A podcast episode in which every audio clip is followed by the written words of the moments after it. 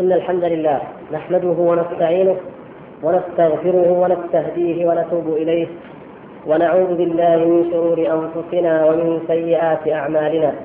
من يهد الله فلا مضل له ومن يضلل فلا هادي له. وأشهد أن لا إله إلا الله وحده لا شريك له. وأشهد أن محمدا عبده ورسوله. اللهم صل وسلم وبارك على عبدك ورسولك محمد وعلى آله وصحبه أجمعين. أما بعد أيها الإخوة الكرام فأولا السلام عليكم ورحمة الله وبركاته. وأتوجه إلى الله سبحانه وتعالى بالدعاء أن يجعل جلستنا هذه في ميزان أعمالنا يوم نلقاه وأن يثيبنا عليها بخير الثواب وأن يكتب لنا ولكم أجر ما نقول وما نعمل ويجعله خالصا لوجهه الكريم إنه على كل شيء قدير. وأيضا لا أنسى أن أشكر الإخوة القائمين على المركز الصيفي بالجامعة على الجهود الذي التي بذلوها وأشكركم جميعا أنتم أعضاء هذا المركز على أنكم عرفتم كيف تستفيدون من أوقاتكم وكيف تعمرونها بما ينفعكم عند الله تبارك وتعالى في حين أن أكثر الطلاب من أمثالكم قد أضاعوها. إلا ما رحم الله تبارك وتعالى. وأعتذر إليكم وإلى الإخوة الآخرين الذين حضروا يوم السبت الماضي ولم يجدوا المحاضرة. الحقيقة أن الأمر لم يكن بيدي وإنما كان حصل هناك لبس من الإخوة في الموعد والحمد لله قد تحقق المراد. ونسأل الله سبحانه وتعالى أن ينفعنا جميعا بما نسمع وما نقول. والواقع أن هذه ليست محاضرة بالمعنى المعروف المتداول وإنما نحن كإخوة إخوة في الله عز وجل في هذه الجامعة وفي هذا المركز نتذاكر ونتحادث ونتباحث فيما ينفعنا في أمور ديننا ودنيانا وما نصد به هجمات وغزو أعداء الله سبحانه وتعالى الذين يريدون أن يجتالونا عن ديننا ويصرفونا عن الصراط المستقيم. والوقت كما تعلمون محدود ولهذا أرى أن كل منكم يكتب ما لديه مما يشعر أنه يمس الموضوع مكملا أو متسائلا أو مستدركا فكلنا إخوة وهدفنا الحق بإذن الله تعالى ولعل الوقت الذي يكون لهذه المناقشة والمداولة أطول مما يكون في أثناء آه، الكلمة ولا أسميها محاضرة. وأقول في بدء ما أقول إنه يجب علينا أيها الإخوة الشباب ولا سيما وأكثركم في مقتبل عمره ويريد أن يكون داعية إلى الله سبحانه وتعالى ويريد أن يقوم بما يجب عليه لهذا الدين.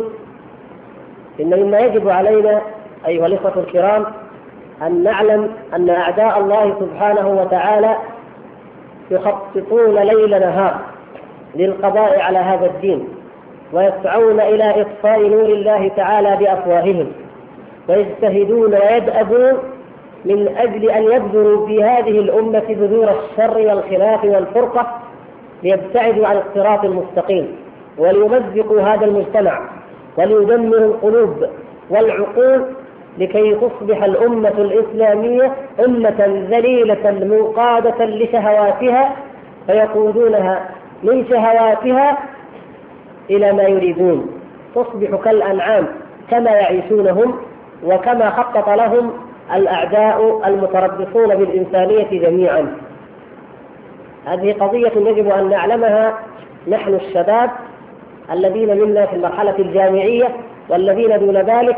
فنعد العدة بإذن الله تعالى لنقاوم هؤلاء الأعداء ولنعلم مداخلهم التي منها يدخلون إلى مجتمعنا ليخربوه وإن موضوع المرأة الذي اخترتم وأحببتم أن يكون موضوعا لهذه الكلمة إنه لمن أعظم ما ينبغي أن نعلمه وأن نعرفه. كانت القضية المتعلقة بالمرأة أيها الإخوة الكرام فيما مضى من العصور قضية آداب وأخلاق وحياء. قضية من قضايا الإيمان الواجب أي أننا عندما ندافع أو نتحدث عندما كان العلماء أو الخطباء أو الوعاظ يتحدثون عما يتعلق بما نسميه نحن اليوم موضوع المرأة ولم يكن كذلك حتى بهذا الاسم.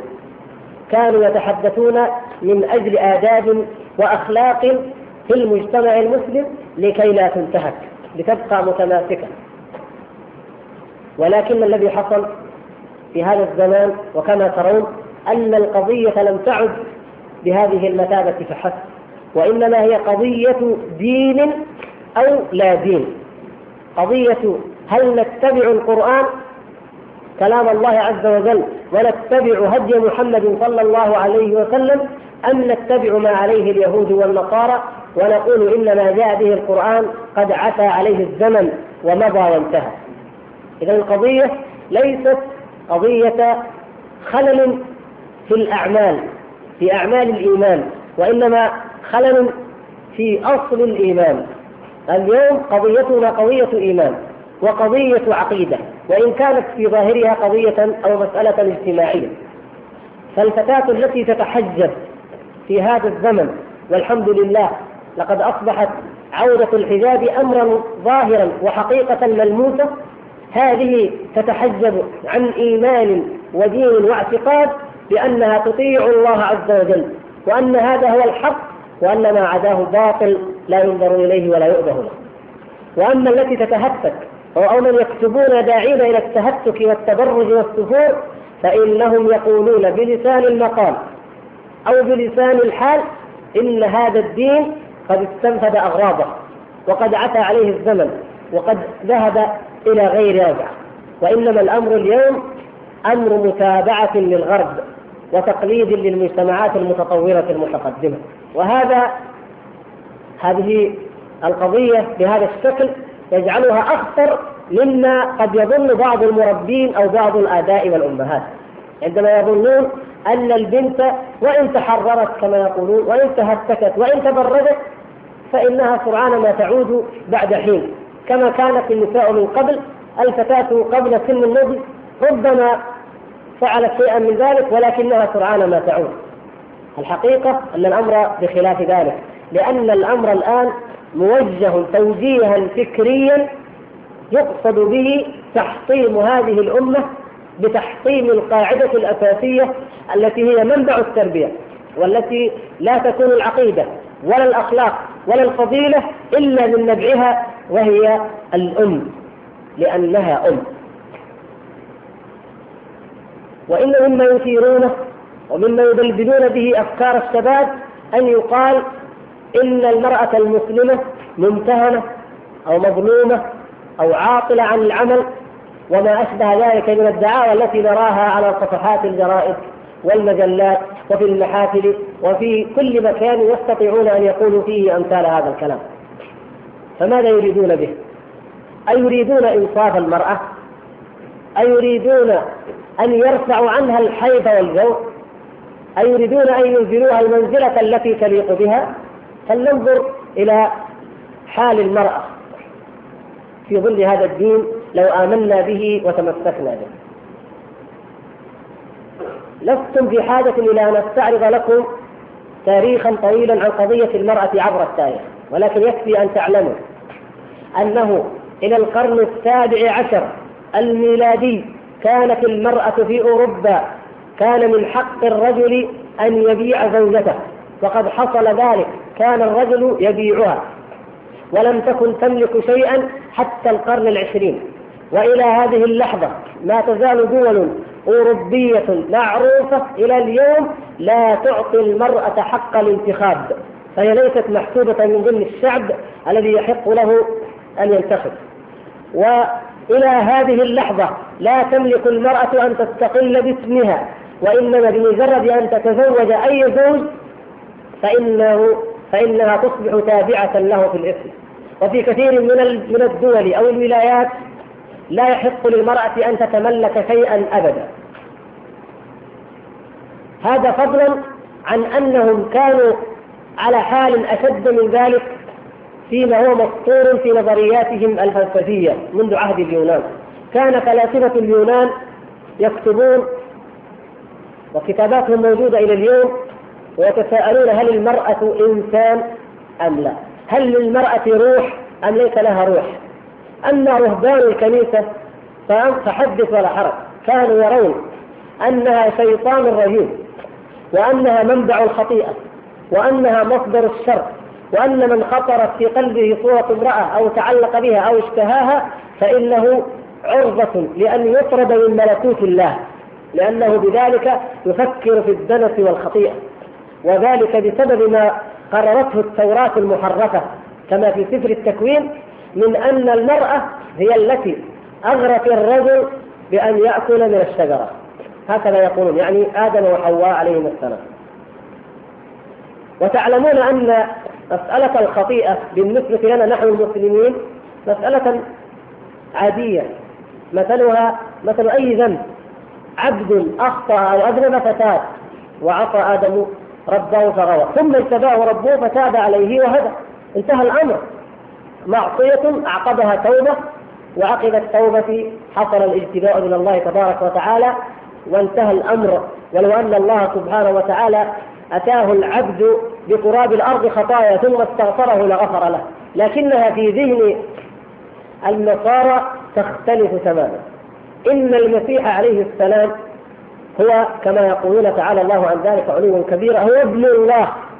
وإنما ضحى بابنه من أجل أن يخلص الإنسانية من الخطيئة التي هي الأكل من الشجرة. فالخطيئة عندهم من صلب العقيدة. ومن الذي أوقع الإنسانية في الخطيئة وتركها في هذا الدنس إلى الأبد؟ المرأة. هذا أحد الأسباب التي تجعلهم يمقتون المرأة. أي جنس المرأة. هذا النوع بكامله الأنثى أينما وجدت بأي اسم وبأي شكل ممقوتة وهي مصدر الشر ومصدر اللعنة على البشرية لأنها هي التي أدت إلى هذه هذا الجرم العظيم. وهذا وإن كان قد زال نظريا إلى حد ما نظرا لتحول أوروبا من النصرانية إلى العلمانية إلى اللادينية ولكن بقاياه النفسية ما تزال وكذلك بقاياه الاجتماعية في النظرة الاجتماعية بل كما أشرت من قبل له بقايا في النواحي التنظيمية والقانونية أيضا.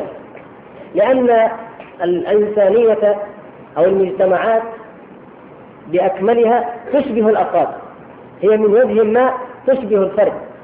والفرد من الصعب عليه مهما تقدم في العمر ومهما ازداد في الثقافة أن ينسى ما كان في أيام طفولته من أحداث أو وقائع ارتبطت بأمور معينة يصعب أن تزول ومن ذلك يصعب إلى اليوم أن يقتلع من أذهان الغربيين وضاعة المرأة وحقارة المرأة.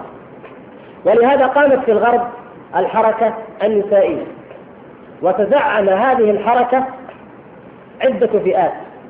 منها هدامون يعملون في الظلام هدفهم تحطيم هذه الإنسانية بتحطيم الدين النصراني. وهؤلاء هم التلموديون اليهود أتباع التلمود الذين يريدون أن يدمروا أديان البشرية جميعا ولا سيما أعدى أعدائهم كما ينص عليه التلمود وهم النصارى المسيح وأتباعه. هؤلاء أحدهم. والآخرون أرباب شهوات يريدون أن يتمتعوا وأن يستلذوا بخروج المرأة وبتبرجها وتهتكها. وأيضا للشهوة عندهم غير معناها عندنا. نحن المسلمين وكل النفوس البشرية تشتهي المرأة. كل رجل يشتهي الأنثى فطرة. كتب الله سبحانه وتعالى ذلك وخلق قدر في كل فطرة أن الميل من الذكر إلى الأنثى أمر طبيعي في بني الإنسان. لكن هذا الميل عند الغربيين يأخذ شكلا آخر. إنه يأخذ عندهم شكل الحرمان شكل المحرم الممنوع المحظور المدنس حتى وإن حصل عليه. فنحن الأمم الأخرى جميعا وليس المسلمين فقط إذا احتاج المرء الزواج تزوج. فإذا تزوج شعر بأنه قضى وطره وانتهى الأمر ولا مشكلة. إلا الغربيين النصارى بالذات. لماذا؟ أو من اتبعهم من رهبان البوذيين مثلا. لأنهم ينظرون إليها نظرة الدنس والاحتقار والخطيئة. فحتى وإن تزوج فإنه كان ينظر إليه في العصور الوسطى على الأقل بشكل واضح ينظر إليه أنه اقترف الدون وفعل غير الصواب الذي هو أقل درجة وإن لم ينظر إليه على أنه خطأ محض لكنه لم يأتي بالأولى والأفضل وهو أن يكون كالمسيح عليه السلام الذي ذكر أن الرهبان هم خصيان الملكوت الذين يدخلون الجنة لأنهم خطأوا أنفسهم عن هذا العمل. كما تنسب إليه الأناجيل المحرفة ورسائل بول.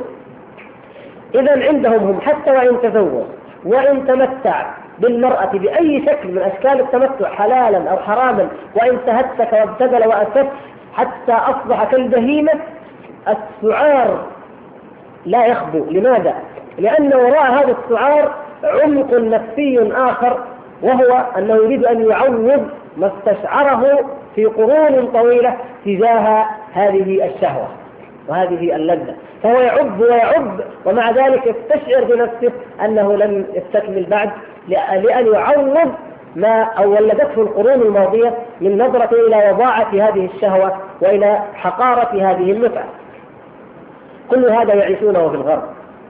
وتعلمون أن الغرب لم ينظم حياته أصلا وفق القوانين الحديثة إلا بعد أن وضع أول قانون في أوروبا مضى القرن التاسع عشر يعني عام 1804 وضع أول قانون في أوروبا الذي هو قانون نابليون قوانين نابليون. ومنها استمدت بقية الدول وأخذت تشرع القوانين وتضع الأنظمة. منذ ذلك الوقت وهذه النظرة مسيطرة تجاه المرأة فوضعت وشرعت القوانين التي تجحف وتنظر إلى المرأة نظرة إجحاف وكأنها من سقط المتاع. إلا أن أولئك الهدامين لما أوردوا هذه الحركة أخذوا ينشرون هذه الأفكار بغرض إثارة المجتمع بعضه على بعض بغرض تفتيته بغرض التجارة المحرمة لأن كثيرا منهم كانوا يتاجرون في هذه المتع المحرمة ولا سيما اليهود معروف عنهم هذا إلى اليوم. هم ملوك البغاء في الأرض كما يقال لهم. يتاجرون بالعرض. وهم أيضا ملوك التجارة والمال فيهمهم أن يتاجروا بجسد المرأة وأن يعرضوا كل سلعة من السلع على جسد المرأة فيمتهنون بهذا الامتهان لكي يروجوا لبضائعهم. ولا سيما وأنهم إن كانت المرأة يهودية فإنهم يحتسبون ذلك لها كما احتسبوه لإستير تلك التي جعلوا لها سفرا في التوراة. عندما أسر اليهود إلى بابل ملك الفرس قامت تلك الداعرة الفاجرة وأقامت العلاقات مع ملك الفرس واستطاعت أن تحرر شعبها بتلك العلاقة نتيجة جمالها وإغراء الملك. إغراء ملك الفرس بجمالها أدى إلى أن يتحرر الشعب وسطروا ذلك في التوراة وجعلوا لها سفرا فيها. هذه إذا إذا كانت يهودية وخدمت مصالح اليهود ولو بعرضها فهذا يحتسب لها. وإن كانت نصرانية أو أمية من الأميين الأمميين الجويم فهنا لا شيء. فهؤلاء هم كالحيوان بل أحق من ذلك فلا نظر ولا اعتبار لأعراضهم ولا لما هو مقدس عندهم. هكذا هنالك.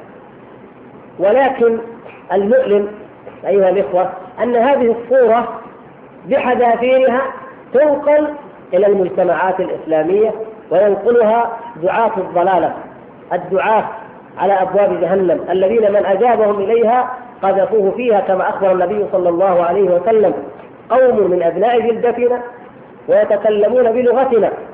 هذه المصيبة. ينقلوا ينقلون تلك الآفات وتلك الأدواء وتلك العلل إلى هذه البلاد الإسلامية. ونحن لا ننكر أن المرأة في في بعض البلاد الإسلامية وفي بعض البيوت قد تظلم وقد يحاف عليها وقد يجار عليها. ولكن كل ما يقع من ذلك فهو انحراف عن دين الله سبحانه وتعالى وعن كتاب الله الذي رفع الله تعالى به الإنسانية جمعاء. لم يرفع به المرأة فقط ولا الرجل فقط. بل رفع الله تعالى بهذا الدين الإنسانية جميعا وجعله رحمة للعالمين وليس فقط للمسلمين.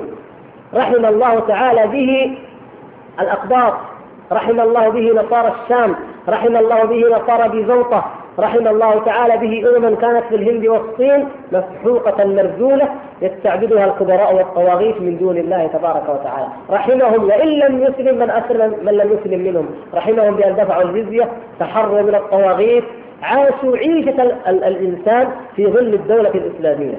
فضلا عن من أسلم. يريدون أن ينقلوها إلى هذا المجتمع الذي يقول الله سبحانه وتعالى من عمل صالحا من ذكر أو أنثى وهو مؤمن فلنحيينه حياة طيبة. جعل الله تبارك وتعالى الحياة الطيبة وليس فقط في الآخرة. الحياة الطيبة تكون لمن عمل صالحا من ذكر أو أنثى. الرجل والمرأة كل منهما مكلف بعبادة الله مأمور بطاعة الله مسؤول بين يدي الله. الرجل راع في أهل بيته وهو مسؤول عن رعيته. والمرأة راعية في بيت زوجها وهي مسؤولة عن رعيته سبحان الله. المرأة التي كانت في الجاهلية توأت وكانت في بلاد الروم والإغريق تباع ولا قيمة لها يأتي هذا الدين دين الرحمة فيجعلها في تلك المنزلة. يجعل من, من, من المرأة العربية التي لم تكن شيئا مذكورا كانت تورث كما يورث المتاع يجعل منها تلك النساء العالمات كأمهات المؤمنين رضي الله تعالى عنهن وكأولئك الصحابيات أولئك النساء الطاهرات اللاتي لم يشهد تاريخ الإنسانية قط أمثالهن في الطهارة والعفة. أولئك اللاتي نزلت آية الحجاب فأصبحن كالغربان أولئك اللاتي كن المثل الأعلى للإنسانية لنساء البشرية جميعا في حسن الخلق في بر الزوج وطاعته في بر الوالدين في تربية الأبناء على الخلق القويم في كل فضيلة من الفضائل. وبقي هذا الإرث لنا بقيت هذه الأحكام ملزمة لنا نحن المسلمين. وهذا كتاب ربنا بين أيدينا. هذا أوضح وأجلى من أن يطال أو يتحدث فيه. إن هذا القرآن يهدي للتي هي أقوم ومن مما هو أقوم أن تؤخذ أحكام الله سبحانه وتعالى في الطلاق وفي موضوع المرأة وفي الحجاب وفي كل شيء. ولكن لما نقلوا هذه القضية إلينا كما قلت لم ينقلوها على أنها قضية مظلوم ينتصر له بل نقلت على أنها قضية امرأة مقابل رجل ذكر مقابل أنثى. وهكذا استطاعوا أن يمزقوا المجتمع أو أن يوجدوا هذه الفرقة بينه ليتمزق امرأة ورجل. فأيما موضع للرجل فيه أي مكان للرجل فيه موضع قدم قيل ولماذا؟ وأين المرأة؟ قيل للمرأة وأين دورك؟ وأيما مكان للمرأة؟ يقال للرجل ولماذا؟ يترك النساء. وهكذا. تناحر.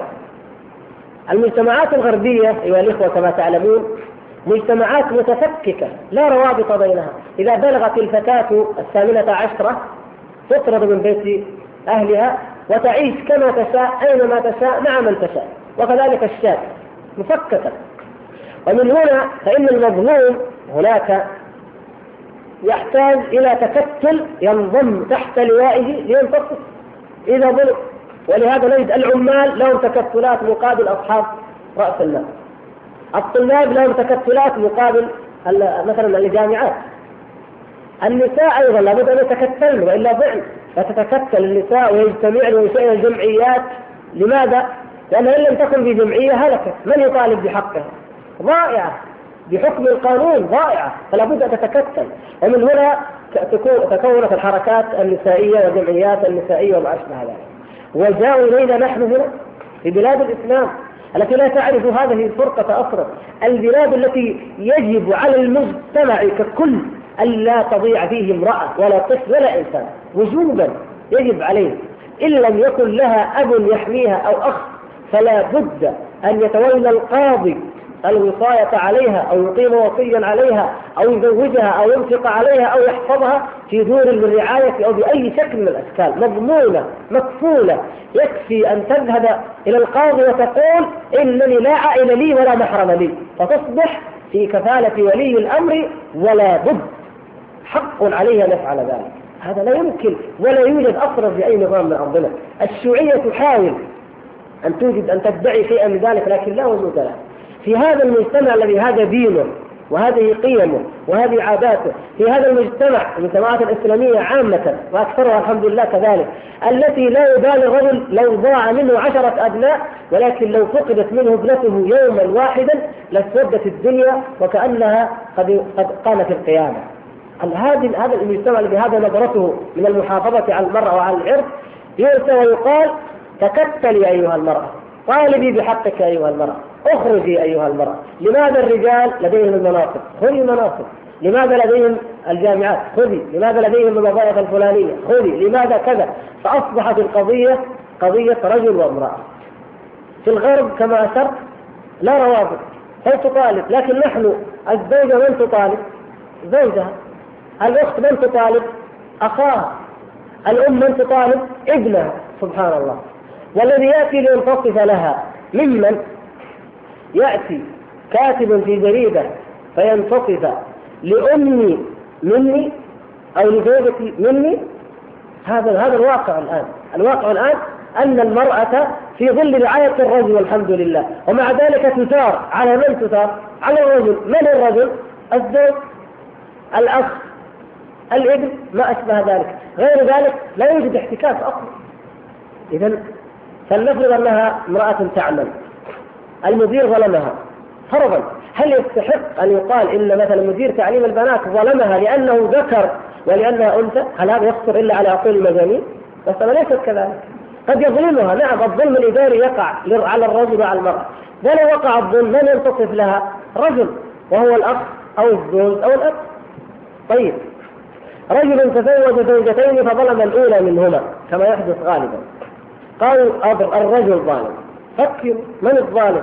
الرجل أم الزوجة الثانية؟ لو تأملتم. القضية ليست قضية رجل فقط. القضية الظلم من شيم النفوس.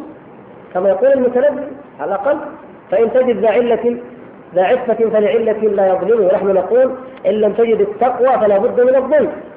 ما الذي يحجز الإنسان عن الظلم؟ التقوى. هل يحجزه عنها أن كاتبا سيكتب في الجريدة ويقول فعلتم وفعلتم أثيرت قضية المرأة كما أشرت بغرض الإفساد وللإفساد فقط. ولهذا يأتون إلى أحكام قطعية مما يتعلق بالمرأة. حكم خروجها من البيت لغير حاجة ولا ضرورة. فيجعلونه على أحسن الأحوال. إن لم يطالبوا بالخروج يجعلونه موضع تساؤل ونقاش. ما رأيكم؟ ما رأيكم؟ سواء المرأة تخرج أو لا تخرج تعمل أو لا تعمل. وكأننا كالغرب أمة ضائعة لا تسن القوانين إلا عن طريق استطلاع الآراء العامة. تعدد الزوجات. يأتون إلى الناس. إن أجروا مقابلة مع رياضي مع فلاح مع رجل كبير في السن يحدثهم عن عما قبل خمسين أو سبعين سنة مع أي إنسان ما رأيك في تعدد الزوجات؟ ويجعلونه ربما يجعلون هذا هو العنوان الرئيسي. فلان تزوج اثنتين ولم أتزوج إلا واحدة طيب. وهذا خبر مثير وهذا عنوان عريض في بلد الإسلام. إيش الغرابة؟ إن كان أخذ ثنتين ما في مشكلة. ثلاث واحدة ما في أي غرابة. هكذا الناس. أمر عادي جدا. لكن لأن هذا في الغرب أمر له فظاعته أتوا به إلينا. ولعلمكم أيها الإخوة هذه قضية كثيرة ما تثار ليس في دين الله سبحانه وتعالى ما يحرم أن يتزوج رجل زوجتين أو أكثر. أعني دين الله الذي أنزل على أنبيائه ورسله وليس فقط دين الإسلام. حتى كان كما تعلمون التوحيد واحد ولكن الشرائع تختلف. مسألة المرأة هذه مسألة الزواج حتى في الشرائع السابقة. موجود في التوراة كان لدى سليمان 700 امرأة ولدى فلان موجود والتعدد في الأنبياء. في التوراة نعم المسيح عليه السلام لم يتزوج شيء آخر، لكن كون الأنبياء كثير من الأنبياء جمعوا بين زوجتين فأكثر أو عدد كبير من النساء موجود. بل إن مما تعجبون له ربما قرأتم ذلك مؤخرا أن الكنيسة البابوية الكاثوليكية قالت لم لا نتراجع عن مسألة النظر إلى الزواج في إفريقيا بالذات لأن الأفارقة بطبيعتهم يحبون التعدد فإذا قلنا لهم إننا نحرم التعدد لم يدخلوا في النصرانية. طيب إن كان هذا من دين الله الذي أنزل فلماذا تجادلون خلق الله؟ وإن كان هذا مما لم يشرعه الله فيجب عليكم ألا تفعلوا. ليس هناك قاعدة مضطردة لهم في هذا إنما لمصلحة الشهوة والهوى. أتوا إلى المجتمعات الإسلامية كما قلت وأفسدوها بالمجلات النسائية التي لا تتحدث إلا عن هذه القضية. أفسدوها بالأفلام من أول المسلسل إلى آخره مشكلة والمرأة لها دور أساسي. والغالب كما يلاحظ في المسلسلات أن موضوعها واحد مقرر أن الرجل في حياته كما يقولون في حياة هذا أي رجل يكون امرأتان. إحداهما زوجة والأخرى عشيقة. وفي الأخير تنتصر العشيقة دائما. لا لو وضعوها زوجتين ما صلح الفيلم من المسلسل ولم يستقم الموضوع. لا بد أن يوضع حلال وحرام وفي النهاية ينتصر الحرام. وتكون الخيانة للحلال. هكذا. إذا هناك تخطيط هناك إفساد متعمد. منذ أن جاءت حملة نابليون إلى العالم إلى الشرق إلى العالم الإسلامي وجاءت ببغاياها ورفعت أمر البغايا التي كنا موجودات إلى مرورا بالنوادي والصالونات إلى ثورة سعد زغلول 1919 وخروج المرأة وقول الله تحررت إلى الجمعيات التي نشأت والأحزاب النسائية التي أسست. ولا يخفى عليكم وقد نشر هذا مؤخرا وفضحت كثير من الوثائق أن موضوع حزب حزب فتاة النيل كمثال وحزب آخر من الأحزاب النسائية في مصر كان يشرف عليها ويروجها زوجة الرئيس روزفلت من أمريكا. وأن هدى شعراوي وسيزا نبراوي ونظيراتهن نظيرتهما هن أعضاء في الاتحاد العالمي النسائي الذي كان يخطط لإرسال المرأة المسلمة وما يزال. آه الوقت الحقيقة لا يحتمل أن نتحدث أكثر من هذا لأنه كما قلت هي هي ليست محاضرة بمعنى بالمعنى الصحيح بل هي آه كلمة للمداولة ولأن نتناقش كيف نواجه هذا الغزو وهذه الهجمات الخبيثة التي اقتحمت علينا سنة والتي لا يصح ولا يجوز بأي حال من الأحوال أن نغض النظر عنها ونجل رؤوسنا في الرمال لأنها قضية يجب أن يكون لكل أب وأخ لكل مسلم ومسلمة موقفه منها الذي يصدق فيه مع الله. سبحانه وتعالى والذي يعمل فيه جاهدا من أجل أن يحق الحق الذي أنزله الله سبحانه وتعالى ويبطل الباطل الذي يريد أولئك أن يروجوه وأترك المجال لاستدراكاتكم أو آرائكم. السؤال الأول يقول السائل فضيلة الشيخ ما هو دورنا نحن الشباب في إيجاد المرأة المسلمة التي تقوم بدورها في بناء المجتمع؟ دور الشباب أن يتزوجوا. أن يتزوج الفتاة الصالحة فيكون الأسرة الصالحة بإذن الله. وأن يقوم بالدعوة إلى الله سبحانه وتعالى في بيته وما في حدود ما يستطيع من إيصال الحق إلى المرأة. والحمد لله نحن اليوم هيأ الله تعالى لنا من وسائل إيصال الحق إلى كل بيت ما لم يكن فيما مضى. فلنجعل جزءا من اهتماماتنا أيضا آه، كما ندعو إلى الله وكما قلت وأكرر لا انفصام أصلا بين المرأة والرجل. من الذكر والانثى إنما ندعو إلى الله كل من نستطيع أن ندعوه من ذكر أو أنثى. ولكن ندعو الأنثى بالوسائل الشرعية المعروفة. وفي حدود ما نستطيع بهذه الوسائل. ومع وجود أقسام في الجامعات للبنات ومع وجود مدارس للبنات يجب علينا أن ننشر فيها الوعي عن طريق الكتب أو الأشرطة. أو المحاضرات التي طبعا تنقل عن طريق الدرس التلفزيونيه مثلا أو ما أشبه ذلك أقول يجب أن نسهم في توعية هؤلاء الفتيات حتى يعرفن انهن لهن دور عظيم يجب أن يحققوه. هل كشف الوجه واليدين للمرأة من الحجاب الإسلامي؟ حقيقة أنا لن أحدثكم عن مسألة كشف الوجه واليدين مجرد ذكر أو سرد للأدلة من الكتاب والسنة. أنا أناقشكم أو أسائلكم بأمر غير ذلك. تعرفون به ما حكم ذلك؟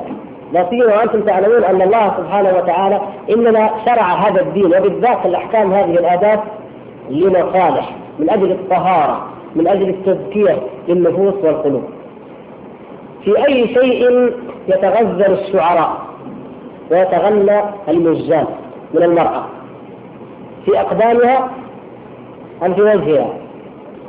انظروا دواوين الشعر من الجاهلية إلى الإسلام إلى هذا العصر القصائد الغزلية كما تسمى أو أي قصائد حول كل قصيدة كما قال المتنبي فهل كل من قال المديح متيم؟ كل قصيدة حتى في المديح عشرة أبيات في المرأة. كلها في العينين وفي الخد وكذا وأحيانا على الخصر والرجلين لكن الأصل الأساس هو هذا الوجه. هو محط النظر اللقطات الخبيثة الفاجرة التي يأتي هؤلاء الذين يريدون أن تشيع الفاحشة في الذين آمنوا فيعرضونها في الأفلام وفي المجلات. لأي عذر ما الذي يهمهم أن يبرزوها ويفتنوا به؟ إلا الوجه غير بطبيعة الحال العورة. لكن نقصد ما هو؟ هل هو شيء غير الوجه أم أنه الشعر والعيون والشفتين والأنف وما أشبه ذلك؟ هذا موضع الفتنة. فهل تظنون أن الله سبحانه وتعالى لما شرع الطهارة والعفة والحجاب للمسلمين وأنزله؟ هل أنزله ليبقى موضع الفتنة وفقط أنزله لتضع المرأة على شعرها وعلى نحرها أو على رجليها ويبقى موضع الفتنة كما هو؟ الأحاديث الصحيحة أنا قلت لا أذكرها لأنكم تعلمون لكن أعرض على حديث واحد فقط. لتعرف هذا الحكم. خرجت أم المؤمنين سودة رضي الله تعالى عنها والحديث في صحيح البخاري في أكثر من موضوع وفي غيره خرجت في الليل لقضاء حاجتها. فجاء عمر بن الخطاب رضي الله تعالى عنه بعد نزول الحجاب. فقال قد عرفناك يا سودة. فانكفأت وانصرفت رضي الله تعالى عنها ولم تقضي حاجتها وجاءت إلى النبي صلى الله عليه وسلم وفي يده عرق من اللحم يتعشى فسألته عن ذلك فتغشى النبي صلى الله عليه وسلم الرحضاء كما يفعل اذا أنزل عليه الوحي. ينتظر الجواب من الله نزل عليه الجواب من السماء فلما أفاق منه قال إن الله قد آذن لكن أن تخرجن لحاجتكن. انظروا كيف فهم الصحابة الحجاب. قد عرفناك قد عرفناك. عرفها كيف؟ شاف وجهها رأى وجهها ظلام الليل وظلام الغطاء. ولكن كان الصحابة يظنون أن الحجاب معناه الا تعرف المرأة ابدا حتى ولو من بعيد. فأنزل الله سبحانه وتعالى هذا خفف انها تخرج بحاجتها وانها وإن عرفت فليس الغرض الا أن تعرف أو لا تعرف. وهذا مما إلا ما ظهر منها تفسير الصحيح لقوله تعالى إلا ما ظهر منها ولا يبدين زينتهم إلا ما ظهر من إيش هو ما ظهر منها المرأة إذا كانت مثلا نحيفة قد تكون جميلة في عيون بعض الناس. لا تستطيع أن تخفي أنها نحيفة. إذا خرجت لضرورة. إذا كانت بدينه بعض الناس والعرب عموما تعجبهم المرأة البدينة السمينة. فإذا كانت سمينة مهما تحجلت يظهر أنها سمينة فتسكن. فهذا مما ظهر. لا لا تملك أن تخفي أنها بديلة. وهكذا. هذا هو الذي آه، عفي للمرأة. والمقصود أن الصحابة فهموا من الحجاب الا تعرف المرأة. فلو أن المرأة لا تغطي وجهها هل يحتاج ان يقول عرفناك؟ معروف الإنسان لو يعرف الله بوجهه لا يعرف بقدمه ولا بركبته إنما يعرف بوجهه. هذا أحد الأدلة. بالإضافة إلى أن معنى الخمار نفسه معنى الخمار في لغة العرب الذي هو مرادف للنصيف ما خمر ما ستر وغطى والنصيف في لغة العرب كما في الحديث الصحيح نصيف أحدها يعني الحور خير من الدنيا وما عليها. النصيف ما يغطي النصف الأعلى من الجسد من ناحية الأدلة الشرعية من حيث الوضع والعرف المشاهد والحس من حيث اللغة لا بد أن تغطي المرأة وجهها وكفيها. ولا نستطيع أن نفيد أكثر من هذا. إن بعض النساء إذا مرضن يذهبون يذهبن إلى الأطباء من الرجال فيكشفوا عليهم. فما حكم ذلك؟ المشكلة ليست أن المرأة تضطر فتذهب إلى الطبيب، المشكلة أننا أمة مسلمة. تعرف أحكام الحجاب وتعرف قيمة المرأة وتعرف ما يجب من, من هذه الأحكام ومع ذلك ما نزال مع الأسف لا يوجد في البلاد الإسلامية مستشفيات عامة كبرى مخصصة للنساء. ألا تعجبون؟ إذا كان هذا في الغرب فذلك دينهم وحياتهم، لكن أمة الإسلام المستشفيات موجودة ويعمل فيها الإنسان من الرجال والنساء، لما لا يكون لدينا مستشفيات كبرى خاصة بالمرأة؟ كما لدينا جامعات الحمد لله كما لدينا ثانويات. لما؟ وهذا أهم وهذا الجانب أخطر وبعض الناس يضطر أن يذهب بأهله إلى امرأة إلى طبيبة وإن كانت عامة لكي يذهب إلى طبيب. وقد يضطر قد لا تريد أن تذهب أصلا. ليس لأن ذلك لا يجوز. يا أخوان تجوز عند الضرورة نعم يجوز نكشف الرجل لكن لما نلجي أنفسنا إلى ضرورة نحن استعلناها ونحن صنعناها؟ لما؟ لا توجد مستشفيات مستقلة متخصصة. هذا الذي يجب أن نسعى إلى إيجاده. أين أغنياؤنا واثرياؤنا وأموالنا التي تهدر في شراء المنتزهات في أوروبا وأمريكا، لما لا تستغل في هذا الشيء الذي أتوقع وأجزم أنه سيحقق ربحا كبيرا جدا لأن مجتمعاتنا ولله الحمد في جميع البلاد الإسلامية رغم ما في بعضها من الانحراف في جميعها الرجل لا يريد أن يكشف على زوجته وبالذات على عورتها إلا امرأة ولكن هذا من جوانب التقصير وما أكثر جوانب التقصير في حياة الأمة الإسلامية. نسمع في الجرائد رغبة بعض النساء والرجال في إنشاء مصنع نسائي ما رأيكم في هذا؟ أنا قرأت قبل أيام في جريدة الرياض أظن من جريدة إنه خبر غريب كذا قالوا إنه يوجد عندنا مصانع يملك يملكها نساء. ولماذا لا يكون العاملات فيها من النساء؟ فتعجبت وضحكت سبحان الله. غريب أن يوجد عندنا مصانع يملكها نساء. في أوروبا غريب ان المرأة تملك لأن القوانين كما أشرت. لكن نحن لو مات رجل من كبار الاثرياء وترك بنتا وابنا كم تاخذ كم نصيب البنت كم تأخذ؟ الثلث. خلي الثلث طلع فيه مصنع. غريب هذا؟ غريب إن البنت ترك مصنع؟ إيش فيه؟ ما هذا شيء عادي جدا. كونها تملك مصنع؟ تملك أراضي تملك عقار؟ عادي جدا بالنسبة للملكية في الإسلام. ما في شيء. لكن جو قال ما دامت ملكت بعض النساء تملك مصانع اذا فلتكن رجاليه نسائية جميعا. القضية ليست قضية أن المرأة تشتغل أو تعمل بمصنع أو لا تعمل، المسألة الأصل ما هو؟ الأساس ما هو؟ الذي خلق الله سبحانه وتعالى المرأة له. خلقها الله سبحانه وتعالى لأمر أعظم من أن تصنع شيئا ما، وهو أن تكون مربية الأجيال تنتج أعظم إنتاج وهو الرجال ليس الوقت يسمح وأستعرض لكم بعض الأمور لكن يجوزها لكم فيما يتعلق بالسكان بالذات في جميع الدول الأوروبية اليوم ثانية الطفل الأول 50 آه، مارك والثاني 70 وإذا جاء الثالث تأخذ يأخذ تأخذ الأسرة 120 إعانة.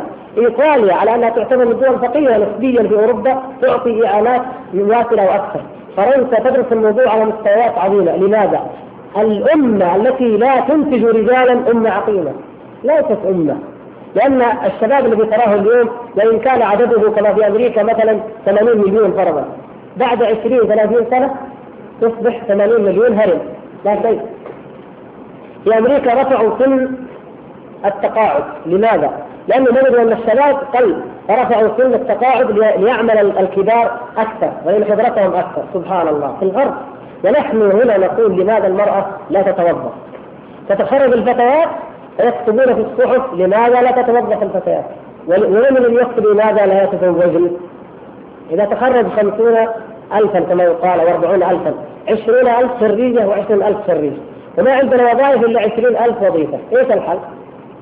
نزوج العشرين ألف بالعشرين ألف ونوظفهم. نوظف الرجال انتهت المشكلة.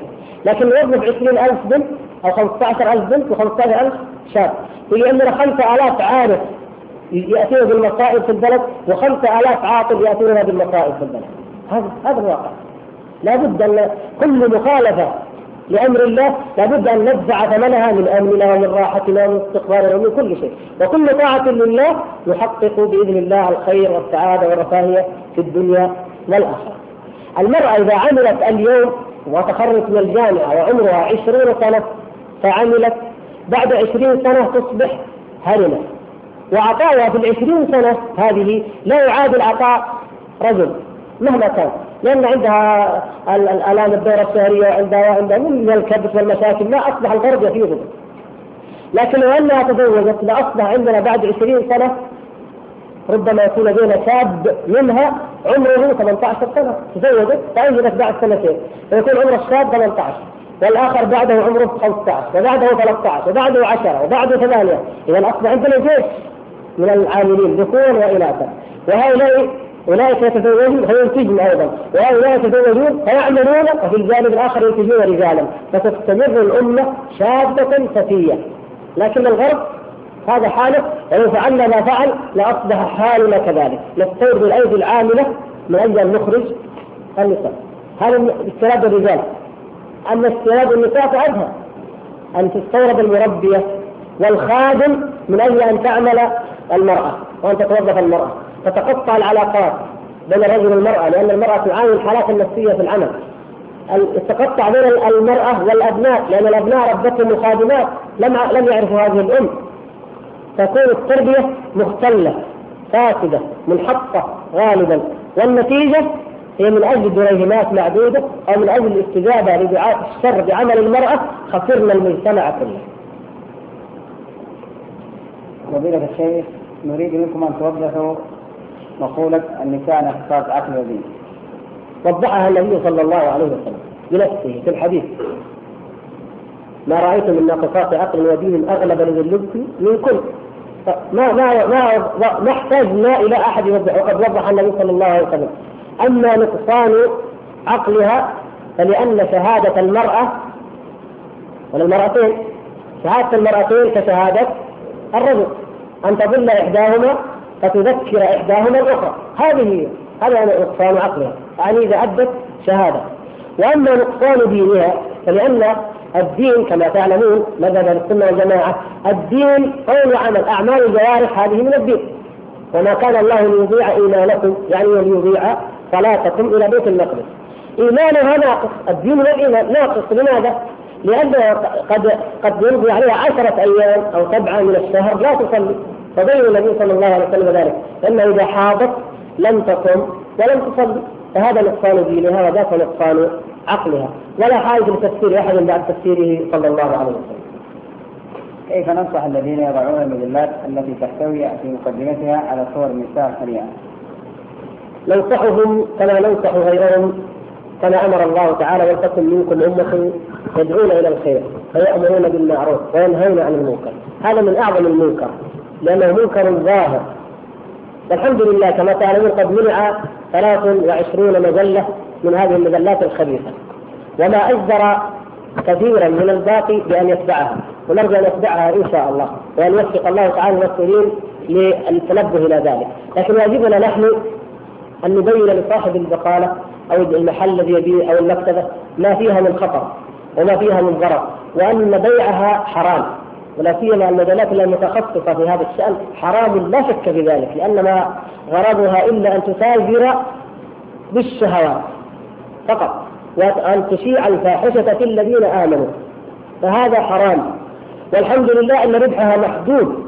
اسأل أي صاحب محل يقول لك هذه فيها قرشين وهذه فيها نصف ريال. سبحان الله. اذا لماذا تحرصون عليها؟ وهي هكذا. فناخذهم بالحكمة باللين نبين لهم خطرها ونبين لهم ضررها نرجو أن الذي منع تلك يمنع الباقي فلعلهم يهتدون ولعلهم يرجعون وكذلك نبين للمشتري إذا رأيناه يشتري أو من رأيناه يعني من رأيناه اشترى أو من نتوقع أن يشتريها نبين له خطرها وضررها هي والأفلام وكل ما أشبهها. لماذا في الارث تأخذ المرأة نصف الرجل؟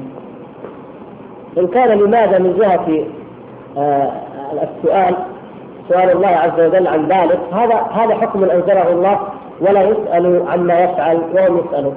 ولا اظن احد منكم يسال ويقصد ذلك لكن لابد أن نوضحه. أن الله تعالى لا يسأل لماذا؟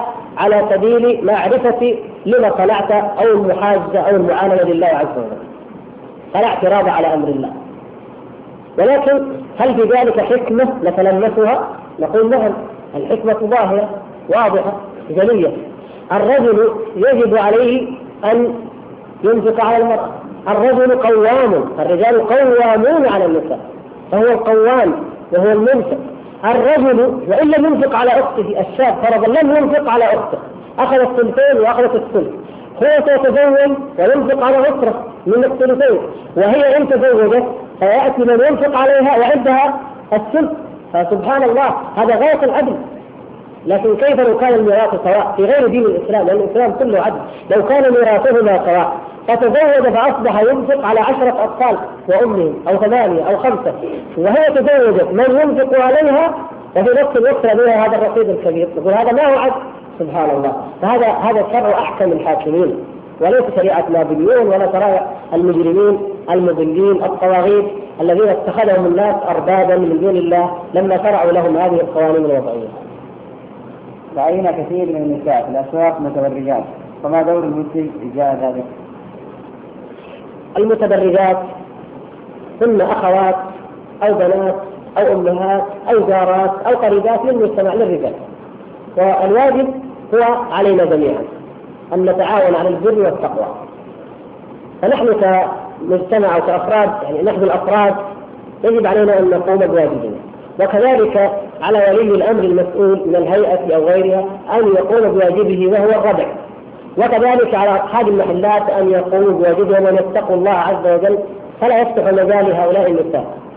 كل ذلك لا بد من جميع الجهات، كل منكر ينتشر في المجتمع لا بد أن يحاصر من جميع الجهات، فلا يكفي جهة واحدة.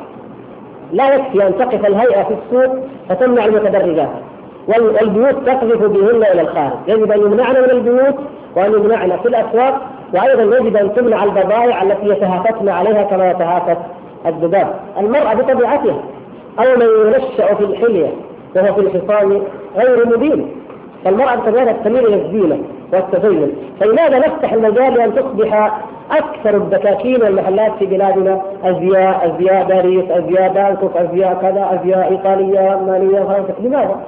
أكثرها لا يليق به. وأنا اتعجب حتى عندما أرى الصغار ولا تنظر إلى الكبار انظر إلى الصغار وسوف ينشأن على ذلك. في الحرم في المسجد الحرام فتيات صغيرات بتقليعات أمريكية وفرنسية كما نرى في الشارع الأوروبي عياذا بالله وهي في الحرام والام متحجبة لكن هذه البنت تنشأ على هذا. من أين جاءتنا هذه التقليعات وهذه الصرعات؟ من جهلنا بديننا. ولأننا فتحنا قلوبنا ومجتمعنا للغزو فغزوناهم وأتوا إلينا. يجب أن نحصن أنفسنا ومجتمعنا ما هي الطريقة المثلى التي يستطيع بها الشاب المسلم؟ منع أهله من مشاهدة المشاهد المعروضة في التلفزيون والتي تسبب فساد المرأة؟ التربية الإسلامية لا تقوم في الأصل على المنع. ليس مجرد منع وإنما تقوم على تربية الإيمان تزكية النفس بالإيمان.